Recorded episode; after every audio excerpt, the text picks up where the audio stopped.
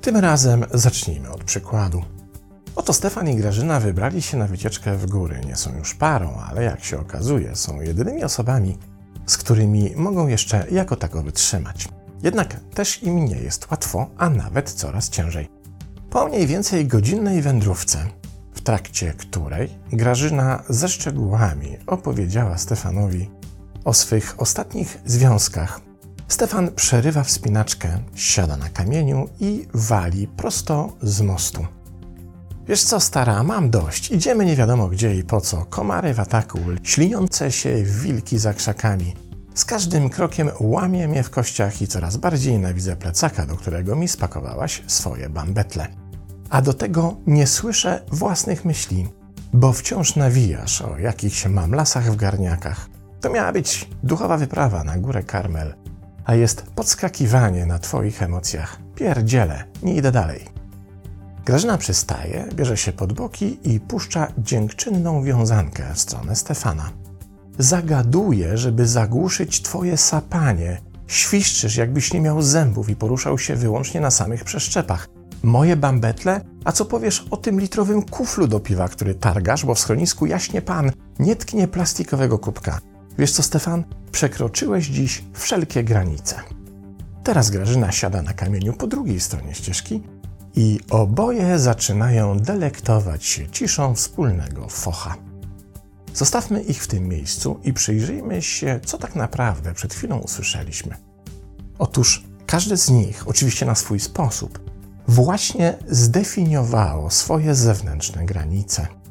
Wypowiedzieli na głos, gdzie znajdują się bariery, poza które nie chcą sięgać, poza którymi znajduje się strefa na tyle nieprzyjazna, że ochrona przed pojawieniem się w tej strefie staje się na tyle silnym mechanizmem, że zaczyna przebijać wszystko inne.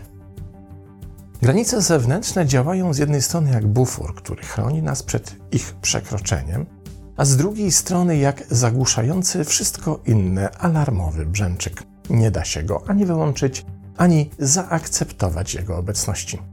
Celowo jest tak hałaśliwy, byśmy nie mogli go nie zauważyć kiedy się pojawia, nie pozwala już o sobie zapomnieć. Wszyscy mamy takie granice i uznaje się, że ich główne obszary, zresztą po kolei wymienione przez Stefana, to granice fizyczne, mentalne, materialne, emocjonalne i duchowe.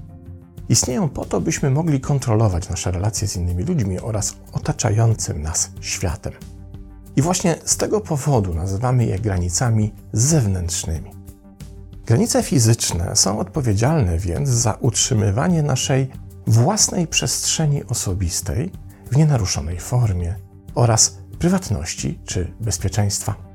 To one decydują o tym, w jakich fizycznych sytuacjach pozwalamy się oglądać innym, jak blisko danej osoby chcemy się umieszczać w przestrzeni, czy też jaki maksymalny fizyczny wysiłek jesteśmy w stanie ponieść w konkretnych sytuacjach.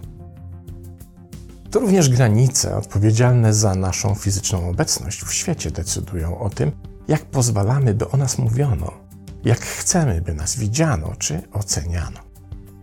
Drugi zestaw granic zarezerwowany jest dla obszaru mentalnego. To tutaj decydujemy, co ma z jednej strony dostarczać nam pokarmu dla myśli, a z drugiej powodować wywieranie na nasz sposób myślenia wpływu. To w tym obszarze wyłączamy telewizor, kiedy nas skórza, czy próbujemy się bronić przed psychiczną przemocą. To tutaj znajduje się nasz wentyl bezpieczeństwa w kontakcie z psychopatą, toksycznymi ludźmi czy treściami, którymi jesteśmy atakowani. Trzeci obszar jest odpowiedzialny za granice materialne i to w nim decydujemy, co robić z naszą materialną własnością. Jak ją chronić, komu powierzać czy oddawać. Tutaj też podejmujemy decyzję, komu dać dostęp do tego, co posiadamy i w jakim zakresie.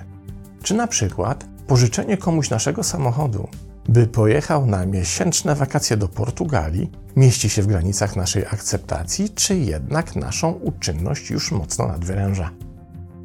Kolejne granice, czyli emocjonalne, odpowiadają za to, w jakim stopniu jesteśmy w stanie zaangażować nasz własny system emocjonalny w uczucia innych i na ile nasz system na tych zewnętrznych emocjach ma cierpieć czy wzrastać.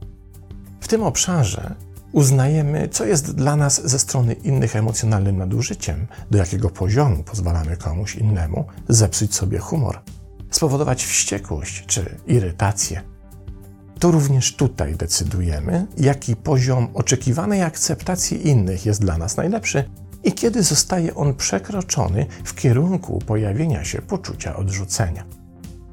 Ostatni obszar granic dotyczy naszej duchowości i odpowiada za to, na ile pozwalamy zarówno innym, jak i dowolnym czynnikom zewnętrznym ingerować w nasz system wierzeń, sferę sakrum, czy poczucie łączności lub jego braku z dowolną istotą wyższą, niezależnie od tego, czy nazywamy ją Bogiem, Matką Gają, Krishną czy energią wszechświata.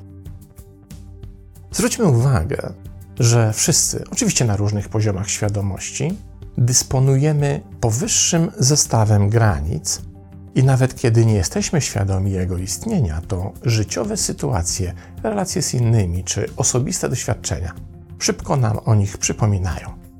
Pojawiają się bowiem takie zdarzenia, w których zaczynasz precyzyjnie widzieć, że pewnej bariery nie chcesz przekraczać, i ten broniący cię przed danym doświadczeniem imperatyw staje się na tyle silny i dominujący, by z własnej woli powiedzieć dość w odpowiednim momencie. Skoro zaś już wiemy, jak działają granice zewnętrzne, wróćmy do Stefana, który wrócił z wycieczki, siedzi teraz na kanapie z litrowym kuflem piwa i myśli: Cholera, chyba zepsułem wycieczkę, że też mam taką niewyparzoną gębę i że też nie potrafię się opanować, by nie powiedzieć czegoś, czego później będę żałować. Co ze mną jest nie tak, że jak cokolwiek mi doskwiera, to sam przed sobą nakręcam najmniejszą niedogodność i obracam ją w duży problem. Teraz przenieśmy się do głowy Grażyny, która również siedzi na kanapie u siebie z butelką wina w ręku, z której pociąga z gwinta, bo przecież jest zrozpaczona, nikt jej i tak nie widzi. Ten Stefan, myśli Grażyna, to buci bęcwał, ale w jednym ma rację. Ci wszyscy moi byli faceci to same mamlasy ze Stefanem na czele. Co ze mną jest nie tak? Czemu najpierw się angażuję, potem zamartwiam, co o mnie myślą, potem sama wymyślam niestworzone scenariusze i jak przychodzi co do czego, to na drugą randkę zamiast koronkowej bielizny przynoszę garnek z bigosem, żeby mamlas jeden z drugim na pewno nie był głodny. Czego tym razem dotyczą myśli Stefana i Grażyny? Otóż tego, co nazywamy granicami wewnętrznymi, które są odpowiedzialne za to, byśmy mogli chronić się przed nami samymi. To filtr, który znajduje się na przykład pomiędzy emocjami, które się pojawiają w naszym emocjonalnym systemie, a tym, co z tymi emocjami docelowo zrobimy. To też rodzaj regulowania relacji, które mamy sami z sobą i które pozwalają nam na tyle kontrolować nasze impulsy, by w ich efekcie nie wyrządzać sobie krzywdy. To na przykład granica, którą stawiamy pomiędzy natłokiem negatywnych myśli, a doprowadzeniem się do stanu, w którym w naszej głowie gnieździ się już wyłącznie wycofanie, beznadzieja czy rozpacz. Dla przykładu, ta ostatnia ma zawsze dwa faktory. Pierwszy to to, co się wydarzyło i co tę rozpacz powoduje, ale drugim faktorem jest to, w jaki sposób sami w sobie tę rozpacz nakręcamy. To, w jak wielkim stopniu się jej poddamy i jak bardzo pozwolimy, by zawładnęła naszym życiem. A to jest ściśle związane z wewnętrzną granicą, którą sami przed sobą stawiamy, by się nie rozsypać w trudnych sytuacjach, bo wiemy, że w tej rozsypce najlepszym paliwem skutecznie przyspieszającym proces rozpadu jesteśmy my sami, a dokładniej mówiąc to, że nie potrafimy postawić wewnętrznej, emocjonalnej granicy w odpowiednim miejscu. Wewnętrzną granicę zresztą widać świetnie w medytacji, w procesie, w którym potrafisz we własnej głowie oddzielić się od pojawiających się w niej myśli i nie ulegać magnesowi identyfikacji. Stawiasz w ten sposób granicę pomiędzy obszarem, w którym umysł kieruje tobą, a obszarem, w którym to ty kierujesz umysłem. O ile zaś zewnętrzne granice są dla nas często oczywiste, szczególnie w sytuacjach granicznych, kiedy zapala się czerwona lampka, a alarmowy brzęczyk zagłusza już wszystko inne. O tyle granice wewnętrzne często umykają naszej uwadze. Skoro zaś potrafimy chronić się przed światem za pomocą stawiania granic zewnętrznych, to czemu tak często nie potrafimy chronić się przed samymi sobą za pomocą wewnętrznych? Dzieje się tak dlatego, że często umyka nam jeden, ale za to podstawowy fakt. Po prostu zapominamy, kto jest odpowiedzialny za stawianie granic. Czyli mówiąc inaczej, czyja to domena i przywilej. Pomyślmy przez chwilę.